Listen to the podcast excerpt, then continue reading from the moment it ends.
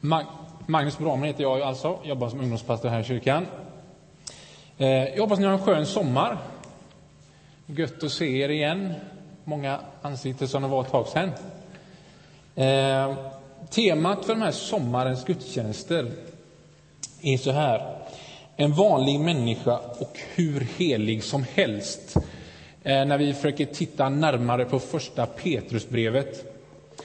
Och, och idag Eh, så kan jag säga redan nu att vi har kommit till en utmanande text och en provocerande text, kanske. Men det kan ju vara bra. Men jag börjar att läsa från första Petrusbrevet, kapitel 3, verserna 1 till 12.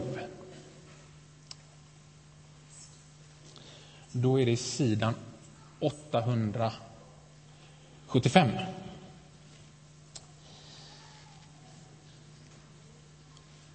Och ni kvinnor, underordna er era män så att också de som inte vill tro på ordet kan vinnas utan ord tack vare sina hustrur när de ser hur ni lever i lydnad och renhet.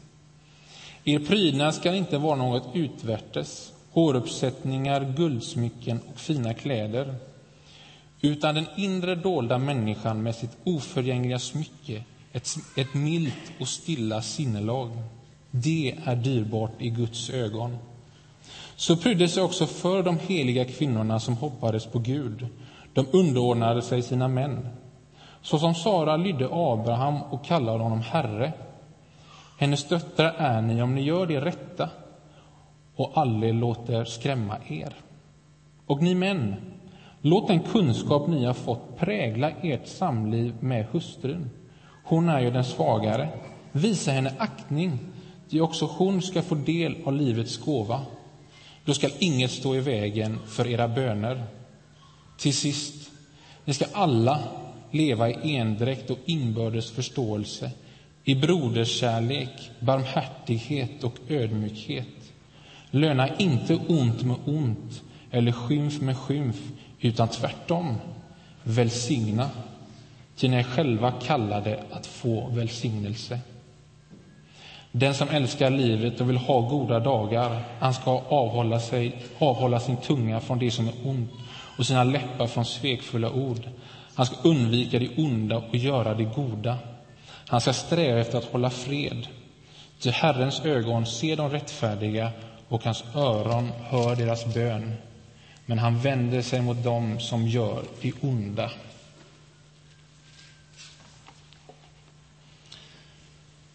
Okej, okay, vänner.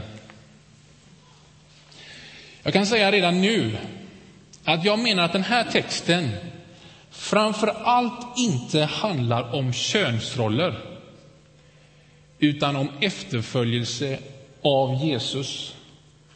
Låt mig förklara. En tavla kan verkligen vara vacker. Det är ett konstverk som kan vara fascinerande en skapelse som man fascineras över hur någon kan måla och hur någon ens kan fått idén till att måla något sådant vackert. Att se motivet framför sig, men sen också med hjälp av sina händer få det illustrerat. Tavlan är en helhet, men man kan också se detaljerna.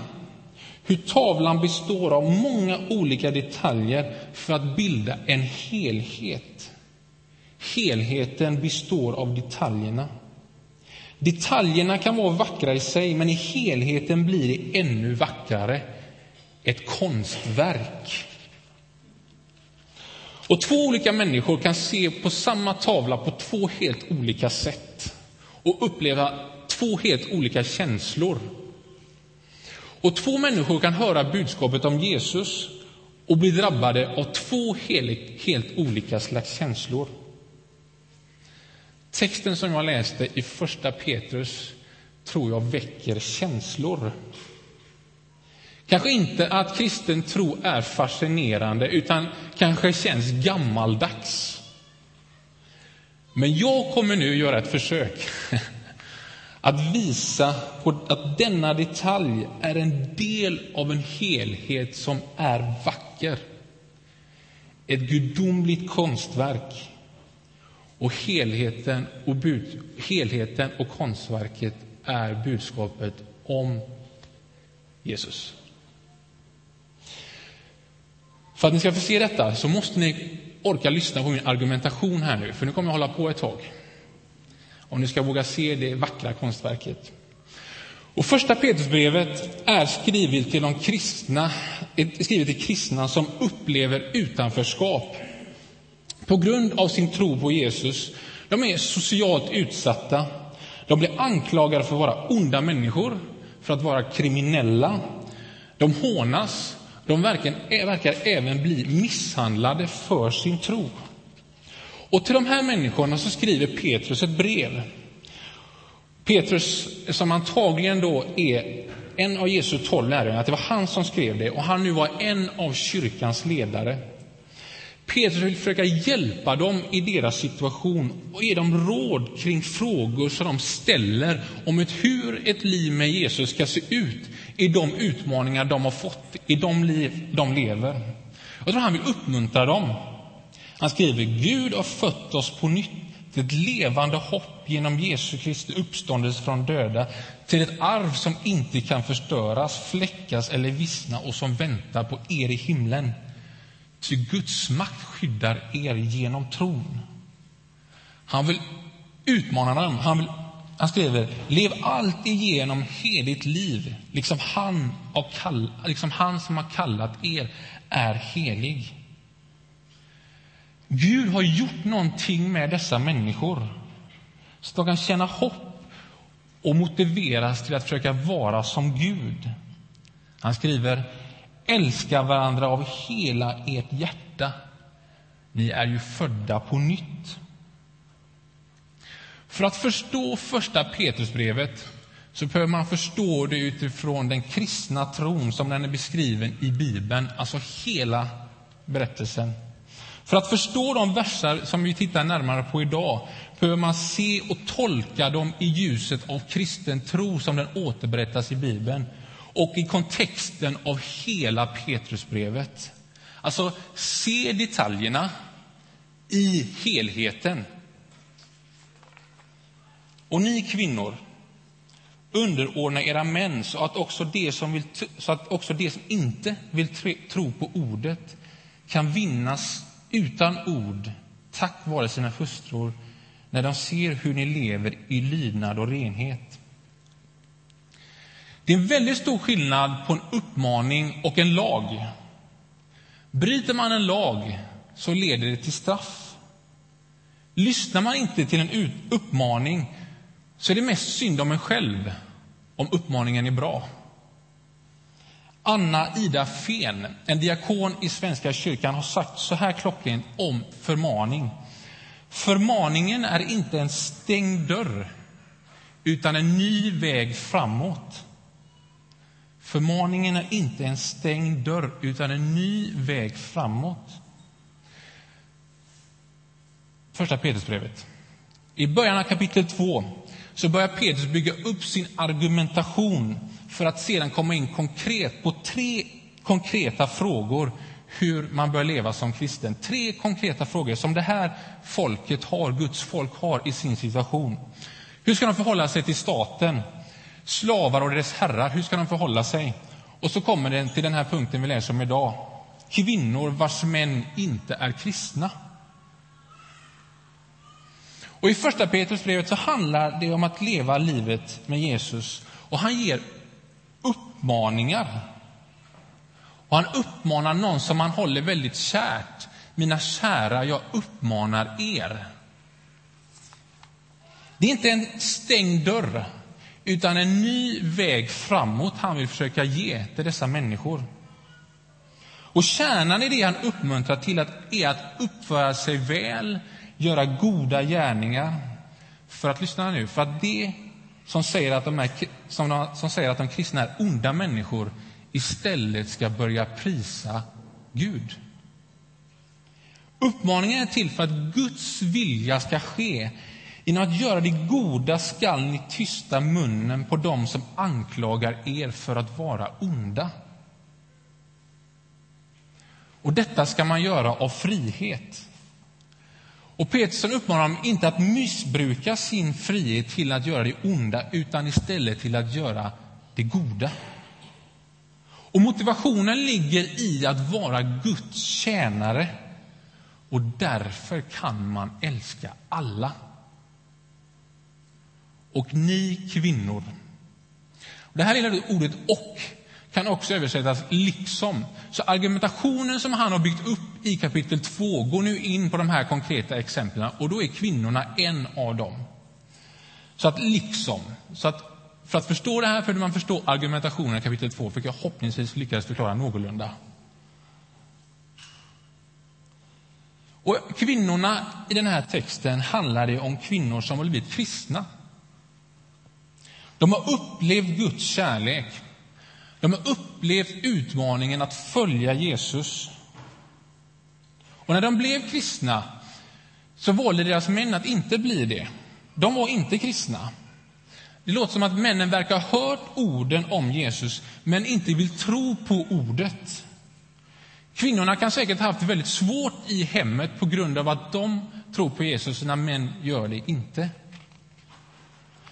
Och när en människa drabbas av Jesu kärlek och vem Gud är och det liv han erbjuder, då vill man att människor runt omkring sig ska få uppleva samma sak. Det här är ju så bra. Och framförallt kanske det handlar om de som man har sina, som närmast sin familj. Man vill ge den fantastiska gåvan vidare. Och så verkar det vara för de här kvinnorna som Petrus skriver till. Och uppmaningen Petrus ger kvinnorna, alltså en väg ut, handlar om att visa på Jesus genom sitt sätt att leva.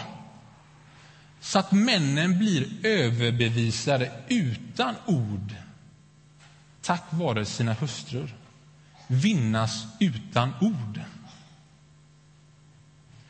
Och, och för mottagarna som hörde det här brevet första gången, de blev säkert ganska överraskade att kvinnorna adresserades, det vill säga att det finns en hälsning, en riktning till just kvinnorna. Det var andra tider än våra tider. För på den tiden så väntades kvinnan att följa sin mans religion. Men här sticker Petrus ut hakan och gör något annorlunda än vad samhället säger. Du behöver inte följa din mans religion, du har ett eget val. Så det verkar lite som revolution, fast inte så mycket revolution i vår tid. Så var det revolution i den tiden. Återigen, uppmaningen i första Petrus handlar om att kvinnan ska underordna sig mannen för att mannen ska skulle vilja bli en kristen men inte genom ord, de man har hört, utan hustruns sätt att leva. Men för er som har läst Bibeln så vet ni att det här bibelstället om att kvinnan bör underordna sig mannen, det är inget unikt för första Petrusbrevet, utan det är förmaningar som återkommer i många av de nytestamentliga breven.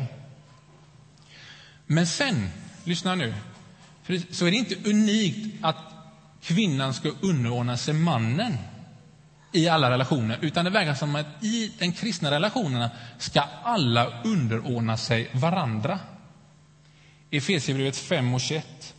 Underordna, underordna er varandra i vördnad för Kristus. Så skriver Paulus och riktar sig till den hela familjen. Senare i Petrus kapitel 5, vers 5 så står det ni yngre underordna er dem som är äldre. Så som jag förstår det så verkar det som att underordna sig verkar vara en kristen princip som gäller alla relationer. Och då kan man ju fråga sig, var har de fått det här tänket ifrån? Om att man ska underordna sig varandra. Och då tror jag att det är från Jesus. Jag tror de har sett hur Jesus som gjorde ett sånt intryck på människor. Han fick stjärnstatus i vissa sammanhang. Han som hade sådan makt och utförde sådana under, han var fortfarande alla tjänare. Han var fortfarande alla tjänare. Han tvättade lärjungarnas fötter. Han var ödmjuk till döden, döden på ett kors. Eller hur Jesus inte sköt bort de minsta och de trasiga i samhället fastän han blev inbjuden till fina middagar och umgicks och minglade med de rika och de fina i samhället så älskade han fortfarande alla och behandlade alla lika. Det där är inte lätt.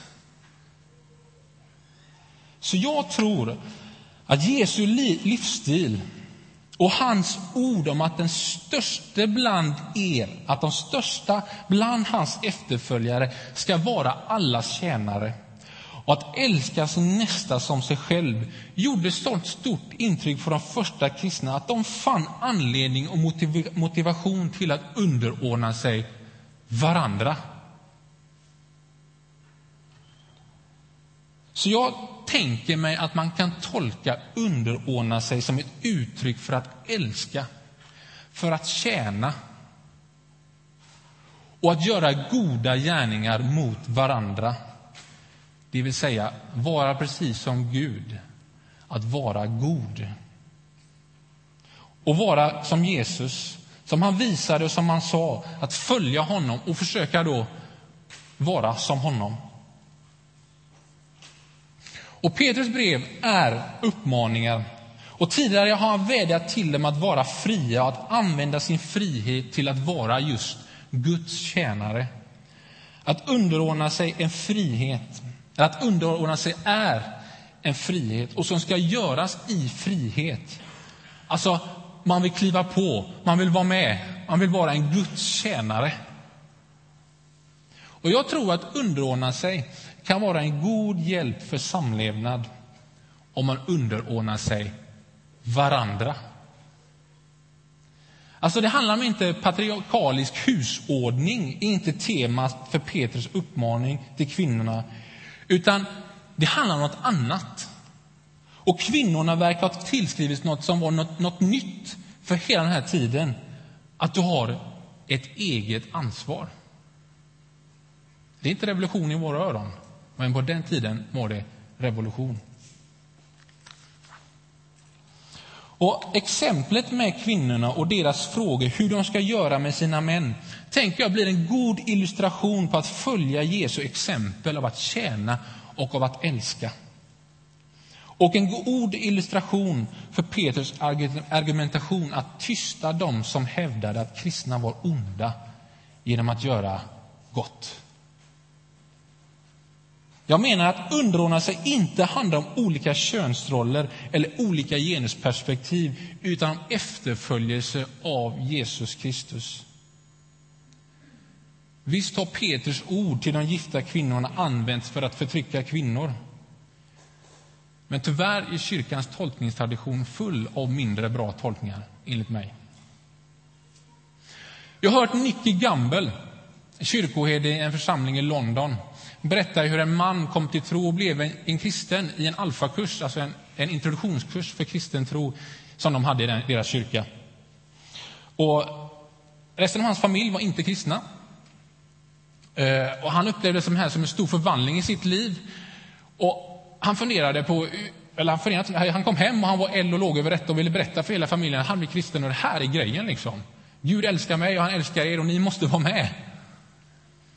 Men, men de vill inte riktigt höra hans ord. Så han funderade, liksom, ja, han kanske till och med brände för han tjatade så mycket.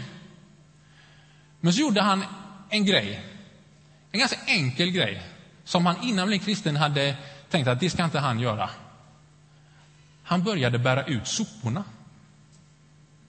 Han var den som tog soppåsen istället för frugan och tog ut den och slängde den. Och detta var en början till att frun faktiskt såg att det hade skett en förvandling hos sin man. Och berättar senare att de här familjen, mamman först och resten också sen, går just i den här alfakursen. Så jag tänker mig att det inte handlar om könsroller. Utan Petrus uppmaning till kvinnorna är inte en stängd dörr, utan en väg framåt för kvinnorna att den här berättelsen om mannen i London, Att underordna sig inte handlar om könsroller utan om gudomlig vishet och vad konkret tjänande och kärlek kan göra med människor.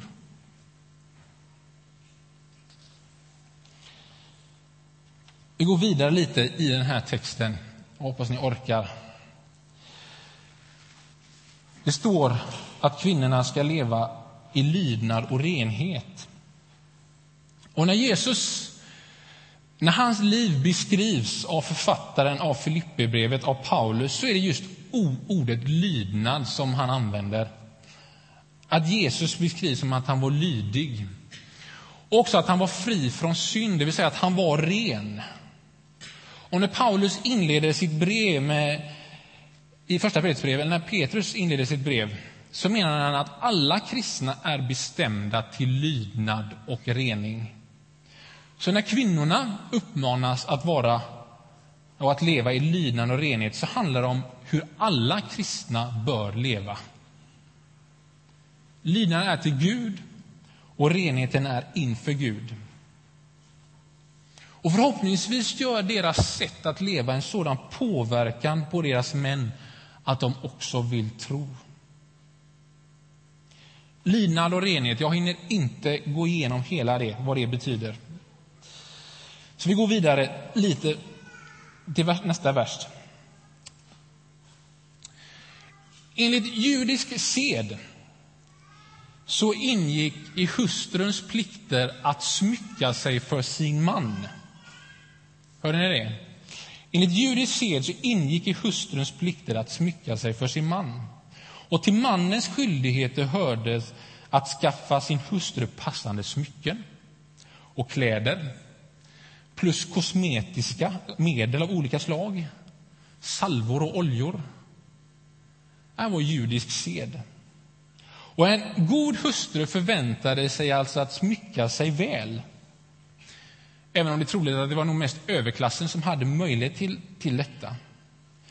Och exegeten Birger Olsson han menar att Petrus med sin judiska bakgrund knappast vill förbjuda hustrun att smycka sig utan att han vill belysa att den äkta prydnaden inte är av yttre slag. Alltså att hålla på med hårflätningar, sätta på sig smycken eller att ta på sig fina kläder är inte det liv som avslöjar det kvinnorna vill försöka visa på. Den missionerande kraften finns alltså någon annanstans i själva håruppsättningarna. Utan det han vill argumentera för är att det som kan överbevisa männen om att tro på Jesus utan ord är det inre. Och jag tror man kan förstå det som personligheten och karaktären. Det är den missionerande kraften. Alltså, det är inte fel med smink, men det finns något vackrare. Det finns personlighet och karaktär som är ett oförgängligt smycke. Personlighet och karaktär är kanske inte så lätt att få, men svårare att tappa bort. Den skönhet vissnar inte bort. Den strålar av gudomlighet. Ett milt och stilla sinnelag, vad innebär det? Ja, jag vet inte riktigt, men jag tänker så här. Om de flesta män är som jag så vet jag att kvinnor behöver tålamod och de behöver tåla påfrestningar. Kanske är det det här det handlar om. Det är inte enkelt att leva med en man. Och Peter H. Davids menar att det grekiska ordet för mildhet stod bland annat för efterlängtad vänskap. Alltså, Kanske någon som inte lönade ont med ont utan orkade ha tålamod. Och som inte skymfade med skymf utan tvärtom välsignade trots att mannen gjorde bort sig en, två, tre och kanske fler gånger än så. Återigen, jag tror inte detta sätt att leva är unikt för kvinnor utan gäller också oss män. Och så kommer det ganska gött uttrycket jag, att, att ett, ett, ett sätt att leva kan vara dyrbart för Guds ögon. Det, det blir man lite lockad av, alltså. Att leva ett sånt liv som är dyrbart för Guds ögon. Och att sånt liv verkar kunna förmedla Gud själv till andra människor. Det är nästan lite gåshud på det. Och så kommer Petrus, han använder argument till, att kvinnan, till kvinnorna. Han hänvisar, hänvisar Petrus här till Sara som var gift med Abraham. Och Det finns inte många skönhetstävlingar i Bibeln, inte jag vet om. Men i den judisk bakgrund och bland judarna så räknades Sara som en av topp fyra bland de vackraste kvinnorna genom tiderna. Så det är ju ganska bra betyg. Alltså han föreställde Sara som, henne som otroligt vacker. Också någon som var väldigt smyckad i den kulturen. Så då kanske man tänker att men Petrus, gör du inte bort det här, gör du inte ett dåligt exempel när du tar just Sara med hennes rykte? Nej, jag tror inte det. Utan jag tror han vill säga att istället så handlar det inte om, bara om yttre skönhet, utan, utan om inre skönhet. Och att yttre skönhet inte behöver utesluta inre skönhet och att inre skönhet inte behöver sluta, utesluta yttre. Var ni med på den? Alltså skönheten är inte poängen, utan man tar efter henne och man gör det rätta. Det handlar, tror jag, om karaktär och personlighet. Men man ska inte skrämmas, får han in i den här versen. Och vad, bety- vad menar han med det? Ja, jag vet inte riktigt.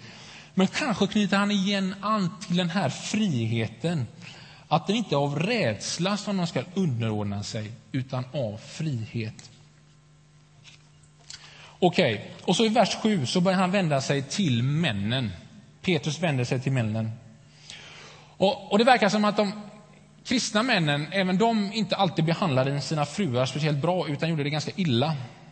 Precis som kanske idag. Så att då får vi ta och lyssna nu, män. Och nu verkar det handla om förhållanden mellan makar som är kristna. Och han skriver om en kunskap som ska ha fått männen att, som männen ska ha fått och det ska få påverka relationen med frun och leda till att mannen visar sin fru aktning. Och då tänker jag att den här kunskapen kanske handlar om det Jesus undervisade om. Om ett radikalt annorlunda ledarskap där den största är allas tjänare och att vi ska älska varandra så som Gud först har älskat oss. Och Det här tänker jag gäller alla relationer och givet så också då man och kvinna, man och hustru. Och Detta är en insikt som, insikt som ska prägla samlivet med hustrun, skriver Petrus. Och, och, och någonting som, jag har varit gift nu snart fyra år. Och jag hoppas att jag är en bra man. Men någonting som jag kan tycka är oerhört vackert och oerhört fint, det är när man ser par som är lite äldre än, än vad jag är. Och så ser man att det finns liksom en ömhet. Nu är inte jag jätte, jag är lite man här, så jag är inte bra på att sätta ord på vad det är jag känner och ser. Ni får försöka tänka efter här nu. Men jag ser att det finns något hos det här paret, hur de bemöter varandra, hur de är mot varandra. Alltså, för Therese, min fru, kan det vara att hon ser att ett äldre par håller handen. Så tycker, alltså, alltså det finns något fint i det här, att en ömhet, en aktning mot varandra. Och det tycker jag är bra.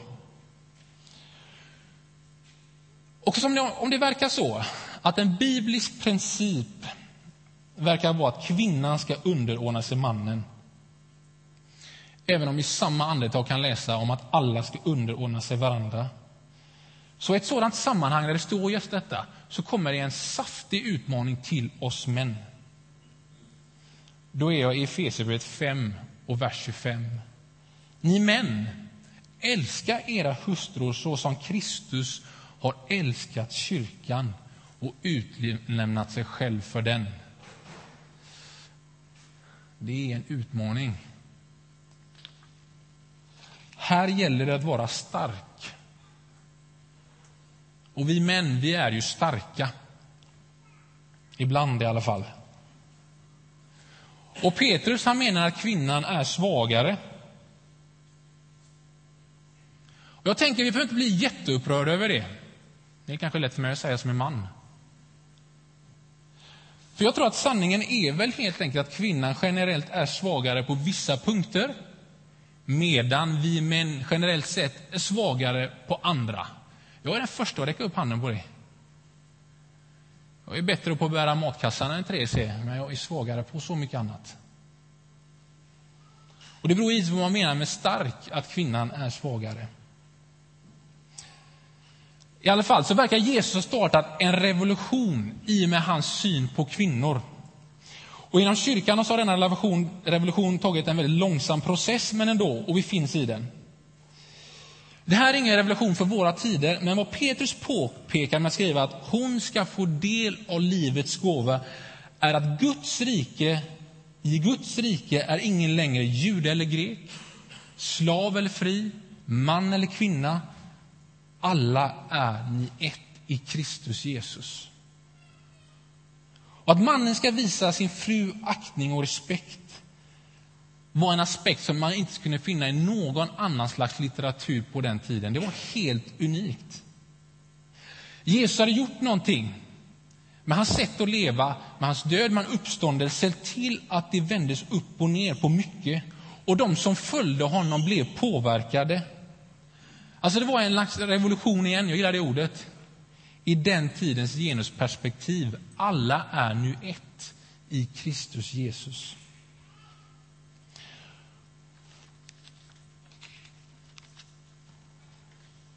Så om vi män lyckas med att förvalta kunskapen till att ett sätt att leva, att kunskapen också blir ett sätt att leva, då tar Petrus fram stororden och menar att inget ska stå i vägen för våra böner. Det är ju bra grejer, alltså. Amen. Inget ska stå i vägen för våra böner. Nu går jag vidare till vers 8. Och Petrus han radar upp här fem positiva egenskaper och vänder sig nu till alla. Nu är det till alla han vänder sig till.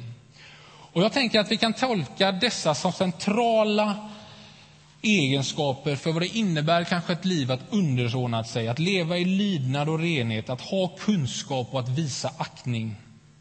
Det står endräkt. Vad kan det betyda? Att det kan förstås som, ett liktänkande, att de kristna kan se på livet på samma sätt för att Jesus bestämmer inriktningen. Det handlar om en inbördes förståelse. Vi kan förstå varandra. Vi kan känna ett med, ha ett medkännande med varandra. De kristna kan dela varandras känslor och behov. De kan ta del av varandras liv. Ett annat ord är broderskärlek.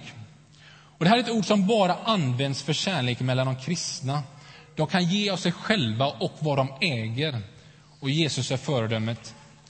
Barmhärtighet. De kristna kan visa sin medkänsla och kärlek. De kan förlåta och visa vänlighet. Jesus är föredömet.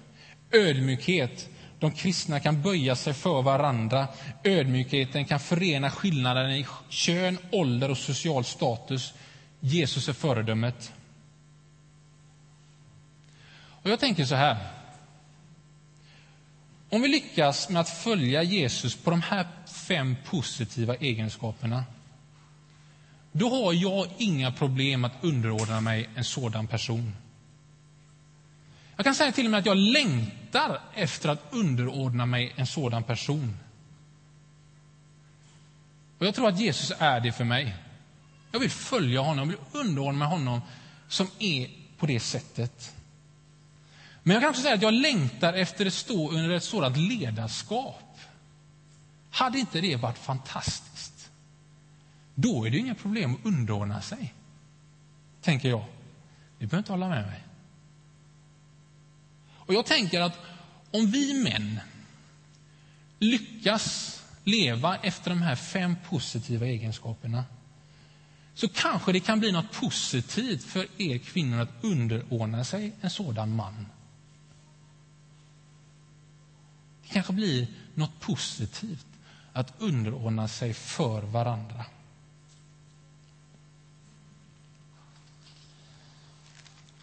Sen, som Thomas sa, så citerar Petrus psalm 34 och knyter ihop det, det väl har sagt. Gör det goda, bland annat. Jag har inte tid att gå in på det här, men till sist. Min förhoppning med min predikan har varit att det här begreppet att underordna sig inte ska vara ett hinder. Och kanske i då med dagens text framförallt inte ett hinder för kvinnor och tjejer att leva med Jesus. Utan att vi istället ska se undervisningen och om att underordna sig varandra är att följa Jesus. Genom att tjäna, genom att älska, genom att ha ett milt och stilla sinnelag.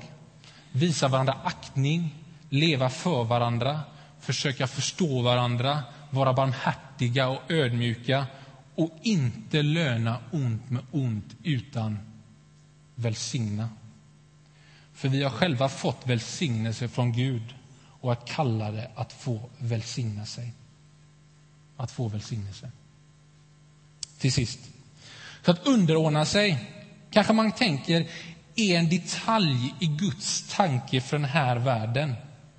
Men jag skulle vilja säga att det inte är en oviktig sådan detalj, utan en viktig sådan, men som behöver tolkas utifrån helheten. En detalj som tillsammans med helheten gör att Guds tanke för den här världen kan bli ett vackert konstverk. Amen. Jag ber och var med om ni vill. Herre, vi tackar dig för din närvaro. Att vi tror att du är här. Att du gör det synlig idag, men att du har gjort det synlig genom historien och framförallt genom Jesus. Och tack för det fascinerande budskap och det liv som du levde, Jesus. Om tjänande, om att älska sin nästa. Tack för att det påverkade massor med människor för länge sedan och gör det idag. Så mycket så att ett folk som kallar sig ditt folk börjar underordna sig varandra. Och underordna sig även människor som var utanför ditt folk för att de skulle kunna se och inte bara höra, se att du var levande och verksam. Herre, vi ber om att du ska beröra oss i denna stunden så vi blir på nytt drabbade av vem du är och din tanke, ditt vackra tanke för den här världen som du har satt oss som en del av för att du vill göra ett konstverk, tror jag, med oss och med hela din skapelse. Tack att vi får älska dig, varandra. Tack att vi får tjäna dig och tjäna varandra. Amen.